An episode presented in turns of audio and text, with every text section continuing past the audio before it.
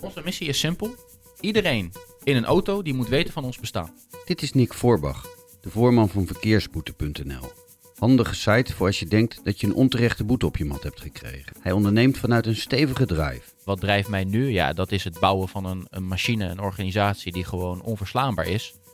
En die echt tegengas kan geven aan de overheid. Hij is jurist, procedeert ook nog veel, maar hij is toch vooral ondernemer. En een leesjunkie, zegt hij zelf. Laat je inspireren door het verhaal van Nick Voorbach. Ik lees superveel, ook over ondernemen. Dat zijn handboeken voor ondernemers. Dus net als dat je uh, arbeidsrecht leert vanuit een arbeidsrechtboek, moet je het ondernemen leren. Enerzijds door in de praktijk, maar ook, ja, je kan natuurlijk ook varen op de kennis en ervaring van mensen die hun bedrijf hebben neergezet. Technologie gaat het juridische werk veranderen. Dat lijkt onvermijdelijk, maar de meeste van ons merken er nog weinig van. Wie zijn in Nederland de drijvende krachten? Wie zijn die vernieuwers, die legal tech ondernemers? Juridisch ondernemer Marijn Roymans en ik, Erik-Jan Bolsjes, zijn benieuwd naar de verhalen van die vernieuwers. Welke legal tech ondernemer zorgt voor het al lang geleden voorspelde end of lawyers? Of komt dat einde er niet en leveren de legal tech startups vooral nieuwe en andere diensten dan de traditionele jurist? In seizoen 2 van Meesterlijke Gesprekken vragen we de Nederlandse legal tech ondernemers naar hun dromen en daden, hun misrekeningen en hoe ze met hun start-up of scale-up de Nederlandse markt voor altijd gaan veranderen. Luister naar Meesterlijke Gesprekken, de podcast van We Legal Network, mede mogelijk gemaakt door Jurist in Communicatie. Marijn, we gaan als een speer naar Nick Voorbach. Nick Voorbach is de man van verkeersboete.nl en hij zorgt ervoor dat heel veel mensen hun boete weer uh, aangevochten krijgen en met succes. Dus we kunnen rijden wat we willen. Ja, ik uh, ga kijken hoe hard we kunnen. Ik denk dat we de 200 wel kunnen aantikken, dat stukje bij Schip. Um, maar Nick, ik ken Nick niet. Um, ja, wel een ondernemer. Tienduizenden boetes per jaar. Ik ben benieuwd wat hij erover te vertellen heeft. En of daar ook nog een beetje techniek achter zit. Want we hebben een serie gesprekken over legal tech. Ja, dat kan niet anders. Je kan niet 10.000 boetes behandelen. Ja, of je moet een heel flatgebouw vol, uh, vol, uh, vol mensen neerzetten. Maar anders kan je dat niet zonder technologie. Oké. Okay.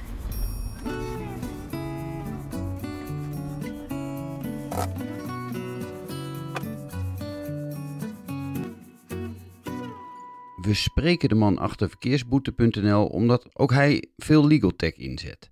Toch zegt hij gelijk dat hij daarover niet alles kan vertellen. Het OM luistert mee en een enkele rechter ziet er nog wel eens een reden in om de kostenvergoeding te matigen. En dat is wel zijn verdienmodel. Rechters weten natuurlijk ook wel dat we schablonen gebruiken. En dat kunnen we wel zeggen. Maar als we het hebben over echt automatiseren. Ja, daar wil ik het niet te veel over hebben. Omdat ook het Openbaar Ministerie luistert mee. Zouden ons goed in de gaten. Nick, even terug naar het begin. Vertel eens even hoe jij hiermee begonnen bent. ik was uh, 19. Nee, dat was nog eerder. Ik was 17 zelfs. En toen kreeg ik drie boetes. Uh, eentje omdat ik geen verzekeringspolis had voor een scooter. Die op dat moment op een politiebureau stond. Uh, omdat hij in beslag was genomen omdat hij veel te hard ging. En ik kreeg ook een boete omdat ik geen helm droeg. En omdat hij dus te hard ging. En dat zijn drie boetes die ik toen kreeg. Toen was ik dus 17, 18. En die heb ik alle drie aangevochten. Met succes. Uh, en in, bij een van die zaken begon de rechter ineens... Ja, heeft hij ook kosten gemaakt? Dus ik dacht, ja... Ja, ik heb kosten gemaakt. Ja, hoeveel? Nou ja, 100 euro. Nou, dan krijgt hij die van ons, zei hij. Maar ik dacht, ja, als ik drie onterechte boetes uh, heb ontvangen en daar ook een kostenvergoeding voor kan krijgen, ja, als ik misschien mensen kan helpen. Uh, dus ik ben dat toen juridisch gaan uitzoeken, omdat ik ook rond die periode ben gaan studeren. En zo is het van het een het ander gekomen. Ja, maar dat klinkt toch wel makkelijk. Want mensen zoeken wel eens vaker iets juridisch uit. Maar dan komt er niet direct een bedrijf uit dat verkeersboete.nl heet. En dat hoeveel boetes per jaar aanvecht? Uh, wij vechten 30 tot 60.000 boetes per jaar aan. En dit jaar, 2023, is onze doelstelling om uh, ja, tussen de 50 en de 70.000 boetes aan te vechten. En dan toch even die stap van jouw drie boetes naar die 70.000. Uh, praat ons eens kort bij hoe dat gegaan is. Ja, ik ben toen gaan studeren en 2012, 2013 rechten gaan studeren. En zo'n beetje tijdens mijn bachelor dacht ik van, hé, hey, ik moet dit meer gaan professionaliseren. Dus een websiteje erbij. En toen was ik al vier, vijf jaar boetes aan het aanvechten voor met name Intimi. Eh, en op een gegeven moment eh, heb ik de domeinnaam verkeersboete.nl gekocht. Dat was in 2017. Eh, en vanaf 2017 langzaam gaan groeien, met name via SEO, met name via zoekmachine optimalisatie. En was jouw plan op dat moment al om er echt een, echt een bedrijf van te maken? Of Nee, had jij, nog niet. Toen jij Nee. rechten studeerde, het idee van ik ga advocaat worden, ik ga iets heel anders doen nog. Ja, eigenlijk wel. Dus ehm, ja, tijdens mijn master begon ik pas echt na te denken over, ja, wat ga ik nou hierna doen? En ik had toen al veel proceservaring. En, en, en ja, ik kwam in aanraking toe met de grote kantoren, Houthof en De Brouw en noem ze allemaal maar op. Hoe kwam je die dan tegen? Eh, omdat, enerzijds omdat het soms mijn opponenten waren, want ik procedeerde toen niet alleen voor verkeersboetes, maar ik procedeerde ook bijvoorbeeld tegen Facebook en tegen Google, omdat ik dat gewoon leuk vond.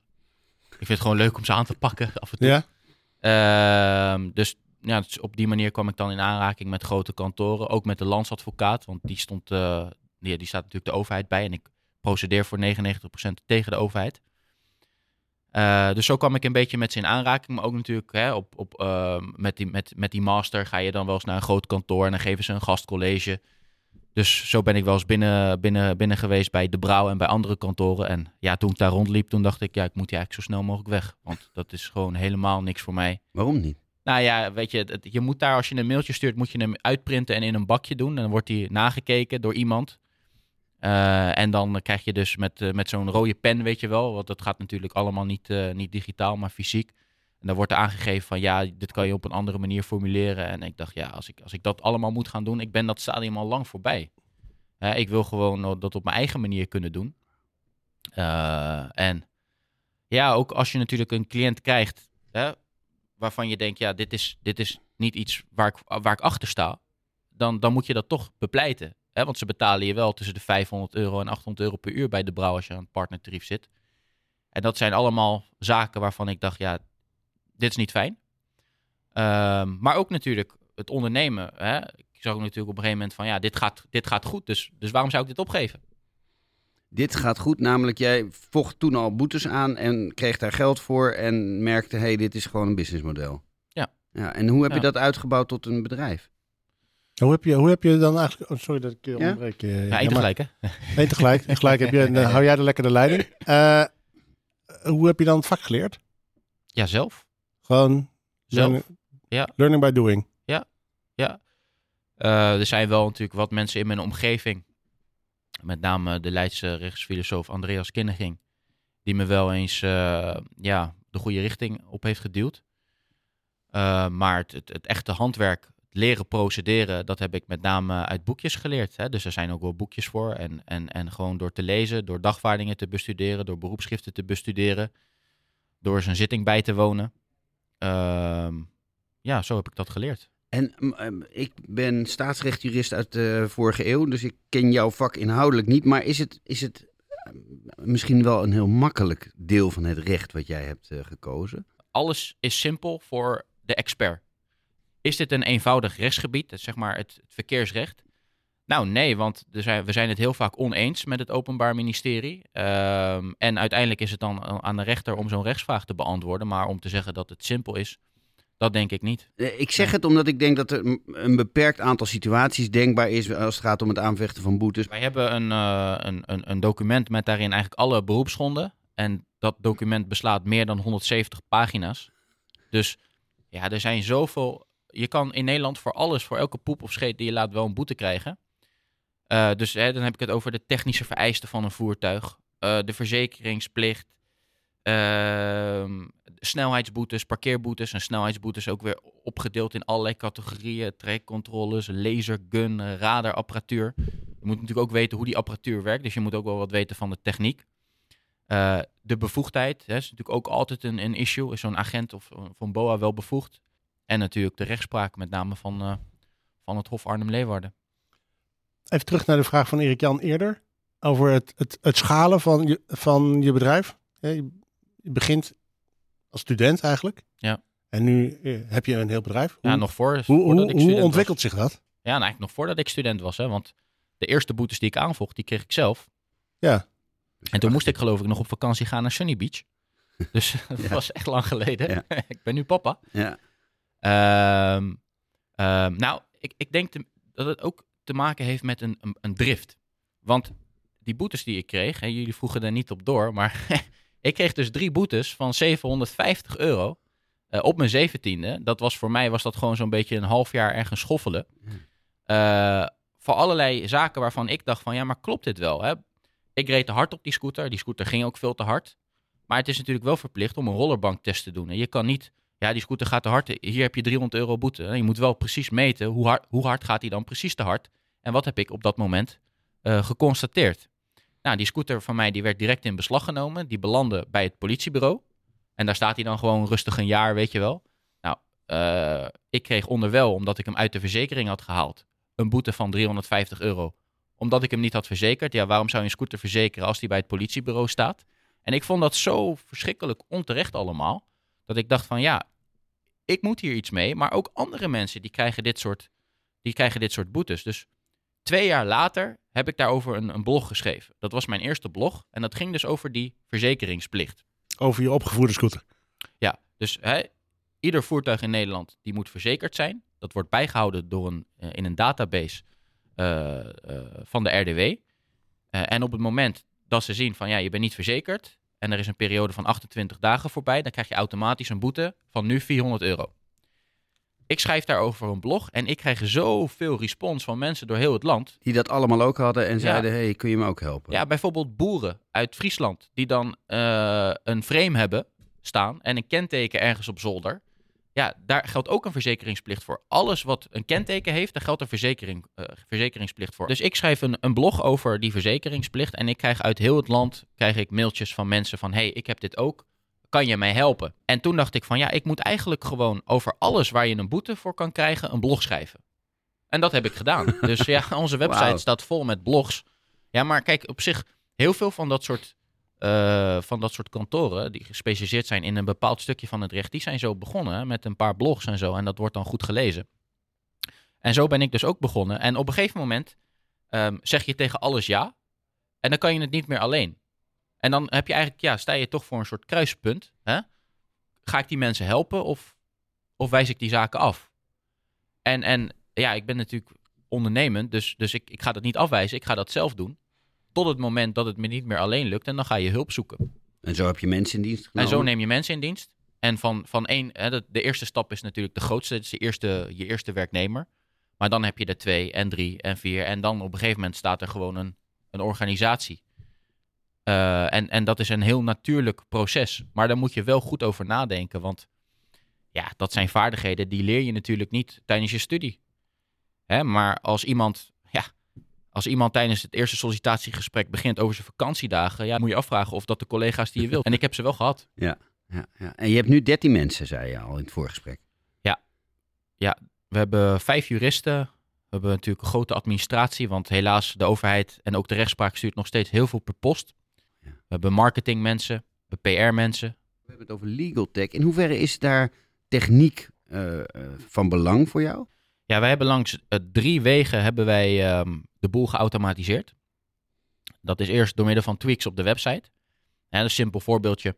Ehm, je kan tot zes weken na de, na de, nadat je de boete hebt ontvangen, kan je in bezwaar gaan. Nou, in het begin, toen ik net die website had, kreeg ik dus boetes uit 2012 en 2013. En eh, ja, mijn opa, die heeft, mijn erfgenamen hebben ook nog een boete ontvangen. Dus ja, dat was niet echt handig. Dus dan ga je een tweak maken op de website, dat alleen nog mensen hè, waarvan de bezwaartermijn nog geldig is, in bezwaar kunnen gaan. Eh, daar heb je, wij hebben heel veel tweaks op de website. eh, om, omdat, Als een soort filter. ja, die die hè, zeg maar de kansloze zaken al deels Ja. als een, een, een trechter feit. Ja, dus een, een funnel. Hè? Dus Ja, aan, de voorkant van de, aan de voorkant van de website hebben wij daar goed over nagedacht. Vervolgens eh, dien je de boete in. En dan hebben we de achterkant van de website. Nou, ook die maakt eh, allerlei afwegingen. Ehm, als jij nu een boete hebt, Erik Jan, en je collega ook, maar die van jou heeft meer prioriteit omdat jij nog één dag hebt om in bezwaar te gaan, dan maakt ons systeem eh, die selectie aan. Dus een medewerker die opent zijn dashboard en die ziet in één oogopslag welke eh, boetes de meeste prioriteit hebben. Oh, mooi. En we hebben natuurlijk onze processtukken, eh, die we deels hebben geautomatiseerd. Eh, we hebben vijf, zes juristen in dienst, dus ja, we, we, we kunnen, we kunnen dat niet helemaal eh, van, van top tot teen automatiseren. Dat moet je denk ik ook niet willen. Eh, maar je kan het jezelf natuurlijk wel makkelijker Wel, maken. je maakt het efficiënter. Ja, en je gaat, kijk, je gaat niet natuurlijk, als jij eh, vorige week een zaak hebt gehad over rijden door rood licht, waarbij er geen staande houding heeft plaatsgevonden, en je hebt er vandaag weer een, ja, dan is het natuurlijk even kijken, oké, wat heb ik in die vorige zaak aangevoerd en hoe ga ik dat in deze zaak nog weer naar een hoger niveau brengen. Dus langs die wegen hebben we, hebben we geautomatiseerd. En ehm, dan hebben we nog als laatste de, de klantenservice. Ik zelf zag het eerst als een probleem. Al die klanten die maar gingen vragen naar de status van hun zaak. En ik dacht dan, van ja, als je niks hoort, dan hoor je niks. En als Ja, je wel wat Als hoort... je niks hoort, dan is er niks te melden. Ja, precies. Maar in het begin kwamen we daar ook wel mee weg. Maar nu niet meer. En nu merk je gewoon dat mensen re- reviews gaan schrijven en dat ze boos worden als ze niks horen. Dus ondanks dat de service voor de klant per saldo gratis is, merk je dat, ehm, dat ze bepaalde verwachtingen hebben. Ik denk dat dat ook te maken heeft met de grootte van het bedrijf. Als, je, als er één, één iemand achter zit, ja, wat kan je dan verlangen? Maar als je op een gegeven moment toch een soort robuuste organisatie hebt, ja, daar verwacht je ook wat van. Eh, dus langs, ja, langs de meetlat van de klantenservice hebben we ook allerlei zaken geautomatiseerd. Dus ja, als we nu een, een dossier hebben afgewikkeld, dan is het gewoon druk op de knop en de klant krijgt eh, een standaard mailtje met hey, ja, het is niet gelukt of het is wel gelukt. Eh, waar dat natuurlijk bij traditionele kantoren allemaal maatwerk is. En, en die slecht nieuwsgesprekken, ja, dan is dat echt, eh, dan moet je gewoon twee uur bij wijze van spreken voor uittrekken. Hè? Een gesprek met de cliënt en noem het allemaal maar op. Ja, dat is bij ons gewoon een druk op de knop. Dus op die manier kun je die 70.000 boetes per jaar behandelen. Ja. En hoeveel haal je er dan eh, positief binnen voor je Ja, klanten? m- kijk, we hebben natuurlijk best wel veel filters. Ja. Hè? Ehm, filter aan de voorkant, filter aan de achterkant. Vervolgens een twee of drie menselijke filters. Ja, waarbij dus je echt- gaat, je gaat geen kansloze zaken in, dat nee, wil je nee, maar nee, zeggen. Ja. Nee, nee, nee, Mhm. nee, nee, want dat is, dat is gewoon heel belangrijk, ook voor onze Dus reputatie ook bij de een number, numbers game uiteindelijk. Absoluut. Maar ik durf wel de stelling aan dat wij ongeveer 1 op de 5 zaken van die 70.000 winnen. En die 70.000, dat zijn 70.000 mensen die iets proberen in te dienen. Of 70.000 mensen die door de filter komen en daadwerkelijk een dossiertje aan kunnen maken bij jullie. Nou, dat is alles bij elkaar. Oké. Dat is alles bij elkaar. Dus dat zijn ook de zaken die we weigeren, zaken die, eh, die we niet in behandeling kunnen nemen. Ja, mensen dienen van alles in, zelfs een energierekening. Hè? Dus ze maak daar maar bezwaar tegen. Nick blijkt een stevig wantrouwen tegen de overheid te hebben, mede gebaseerd op zijn ervaringen met het verkeersrecht. Is dat wat hem drijft als ondernemer? Ik ben jurist en ik doe ook nog steeds wel zittingen. Maar ik zie mezelf nu meer als ondernemer. En wat drijft mij nu? Ja, dat is het bouwen van een, een machine, een organisatie die gewoon onverslaanbaar is. En die echt tegengas kan geven aan de overheid. Want eh, de overheid die wordt steeds groter. De overheid is ook de gevaarlijkste organisatie die de mens heeft gecreëerd. Het is de overheid die, die oorlogen begint. Het is de overheid die een toeslagenaffaire creëert. Eh, het is de overheid die, als je je boete niet betaalt, je opsluit in een hok. Dus het is goed dat er een organisatie is die extern een check vormt op de overheid. We hebben wel interne checks. Een autoriteit persoonsgegevens, een autoriteit consument en markt. Maar ja, die kunnen natuurlijk nooit het Dat is een tegengas soort, geven. soort poli- bijna een politieke eh, drijfveer dan. Nou ja, politiek, misschien rechtsfilosofisch. En heb jij niet een beetje een vorm van beroepsdeformatie? Jij ziet natuurlijk altijd eh, eh, al dan niet onterecht uitgedeelde boetes. De overheid als boeman, want zij delen boetes uit en jouw arme klanten Ja, jij hebben allemaal daar... situaties waarin ze het niet goed doen. Ja, Eh, terwijl natuurlijk in de meeste gevallen lijkt me dat eh, dat, dat wel goed gaat. Ja, eigenlijk zeg je dat Zo, ik niet objectief ben.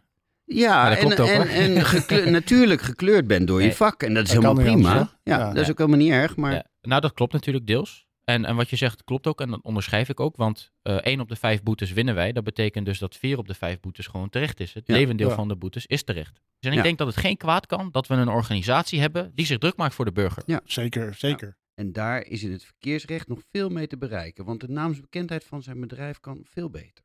Onze missie is simpel. Iedereen in een auto die moet weten van ons bestaan. En wij moeten top of mind zijn. Nou, hebben we dat bereikt? Nee, want als ik nu naar buiten ga en ik spreek iemand random aan in een auto en ik zeg ken je verkeersboete.nl, dan is de kans, ik denk zo'n beetje 10% dat hij ja zegt.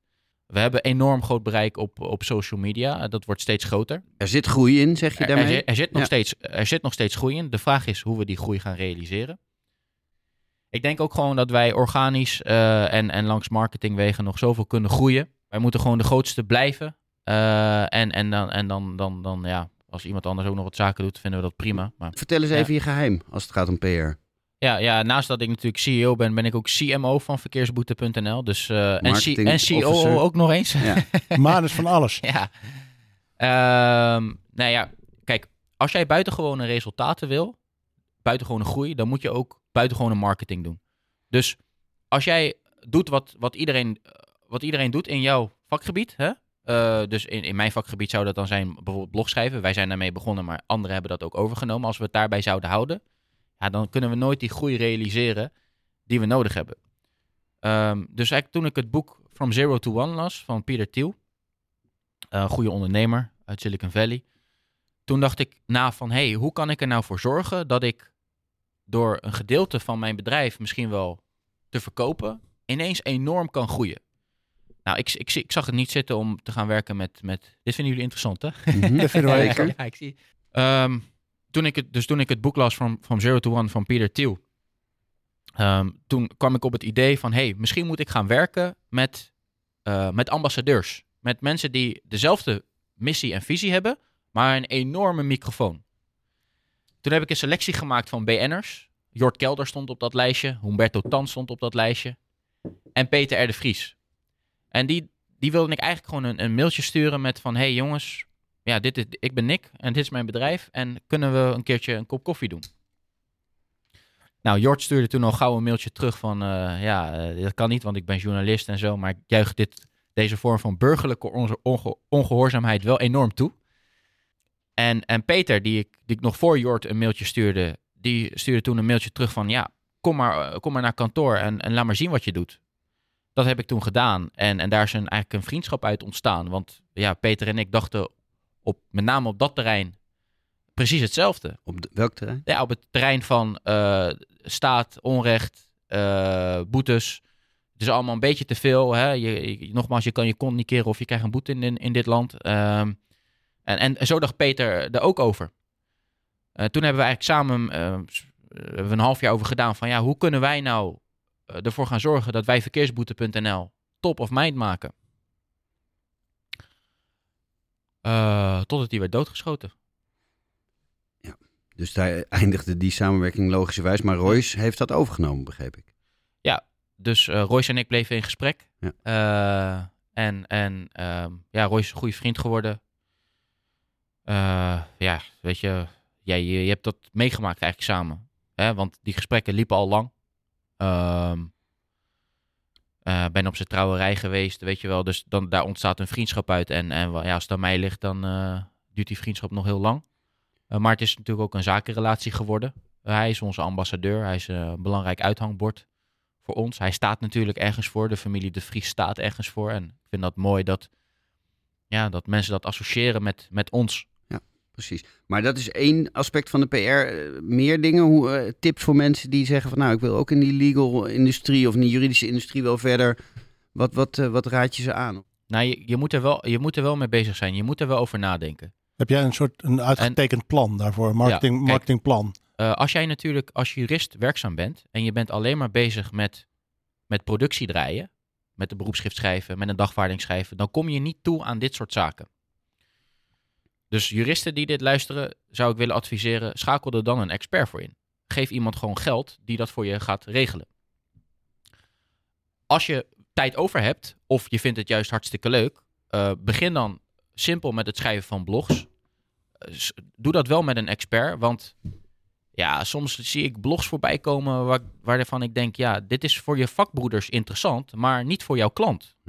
Hè, dus je, je moet wel echt werken met, met, ehm, met, met zoekwoordoptimalisatie. Wat wil Google graag zien en zo. Nou, ik merk wel dat steeds meer juristen weten dat. Nou, als je dat eenmaal hebt gerealiseerd, eh, maak filmpjes. Hè, dat is ook SEO-technisch handig. YouTube vindt het ook interessant voor. eh, Google vindt het ook interessant dat als je een YouTube-filmpje gebruikt voor je, voor je, voor je blog, hè, dan heeft dat een bepaalde sturende werking. Eh, wat zou je nog meer kunnen gebruiken? De media. Wij hebben best wel vaak de media gehaald. De Telegraaf, het AD, noem het allemaal maar op. En inmiddels ja, hebben we dat zo vaak gehad dat ik op een gegeven moment zei van ja, ik moet hier gewoon een vaste persoon voor hebben. Dus nu hebben we, ja, dat vind ik super, super sexy om te zeggen, maar ik heb gewoon mijn eigen PR-manager. Gelijk na het opnemen van deze podcast schuift Nick voor de camera om een TikTok-filmpje op te nemen. Social media platforms werken goed voor hem. eh, Instagram, TikTok en zo, dat mooie van dat soort platforms is, die hebben dan dat netwerkeffect. Dus een filmpje wat echt goede, gewoon goede content. En het hoeft niet eens met dure camera's. Ik heb filmpjes gewoon met mijn eigen mobiel, vieze camera. Gewoon een of andere oude Samsung 250.000 views op TikTok. Ehm, dat komt omdat mensen delen dat binnen hun netwerk. Ja. Binnen hun groepsapps.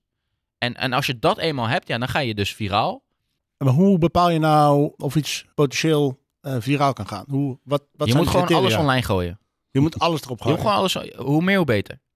Want je, dat weet je dus niet. Hè? Soms denk ik van, bij een filmpje van, nou, dit is wel echt goud. En dan heeft het 10.000 views. En dan denk ik van, nou, weet je, oh, dan- nou, oké, leuke uitspraak. Nou, ik ga er wat over zeggen. Boom, 200.000 views.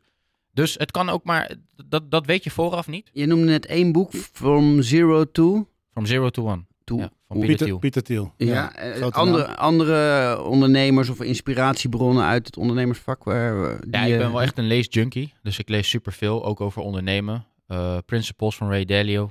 Ook een goed boek. Het is wel een bijbel, 600 pagina's of zo. Eh, Wat haal je daaruit uit die boeken? Gebruik je het echt? Ja, dat zijn, boeken, dat zijn handboeken voor ondernemers. Ja. Dus net als dat je eh, arbeidsrecht leert vanuit een arbeidsrechtboek, moet je het ondernemen leren. Enerzijds door in de praktijk, maar ook, ja, je kan natuurlijk ook varen op de kennis en ervaring van mensen die hun bedrijf hebben neergezet. Hey, en als je terugkijkt, nu, zijn er dingen die, je- die je anders zou doen? Dingen die je verkeerd hebt gedaan? Met name personeel.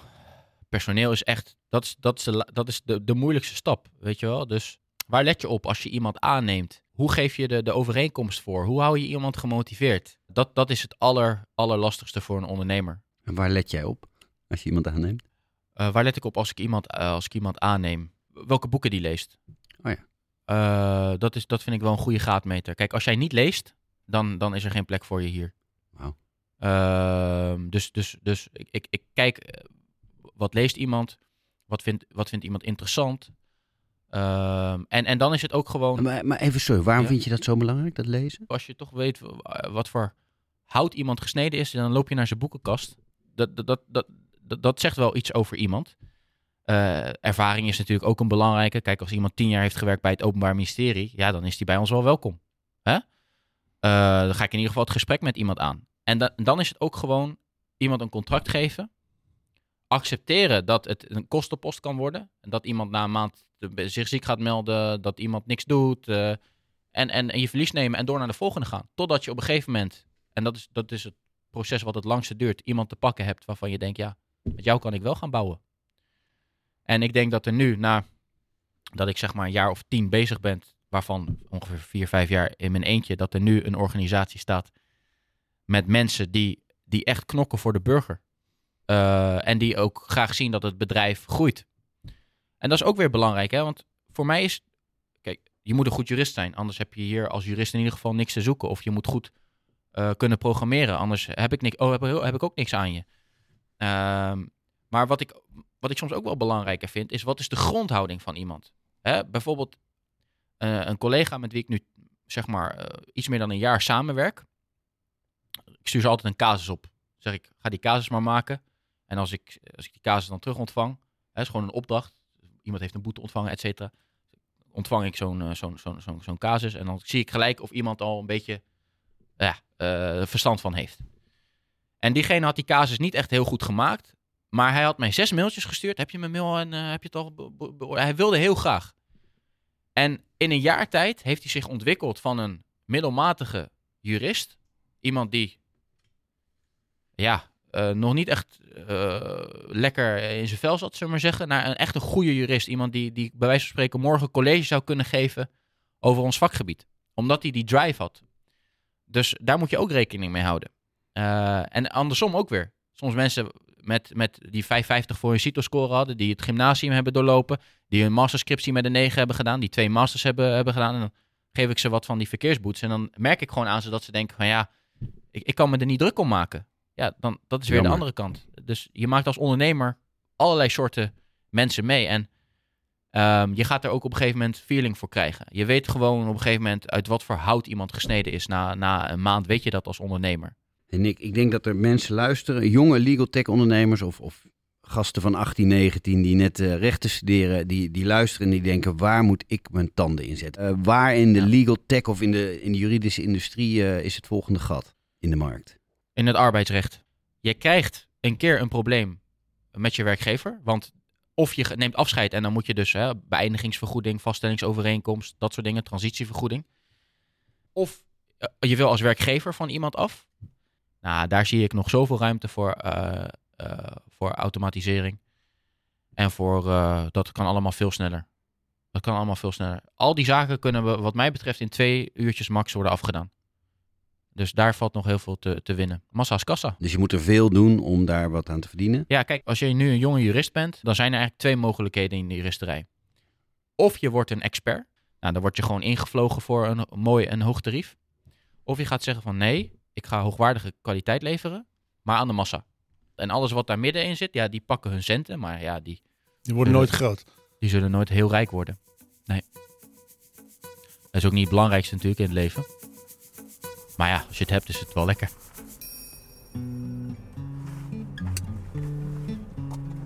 Dat is een mooi eh, ondernemersverhaal. 29 jaar, eh 13 man in dienst. En zo zeker als wat. Hij klonk heel zelfverzekerd. Ja, er is niet veel twijfel. Dat maakt mij altijd wantrouwend, eerlijk gezegd. Mensen zonder twijfel, dat vind ik moeilijk.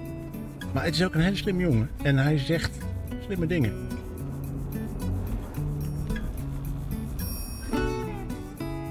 Bedankt voor het luisteren. Heb je met plezier geluisterd en wil je geen aflevering van Meesterlijke Gesprekken missen? Abonneer je dan in je podcast-app.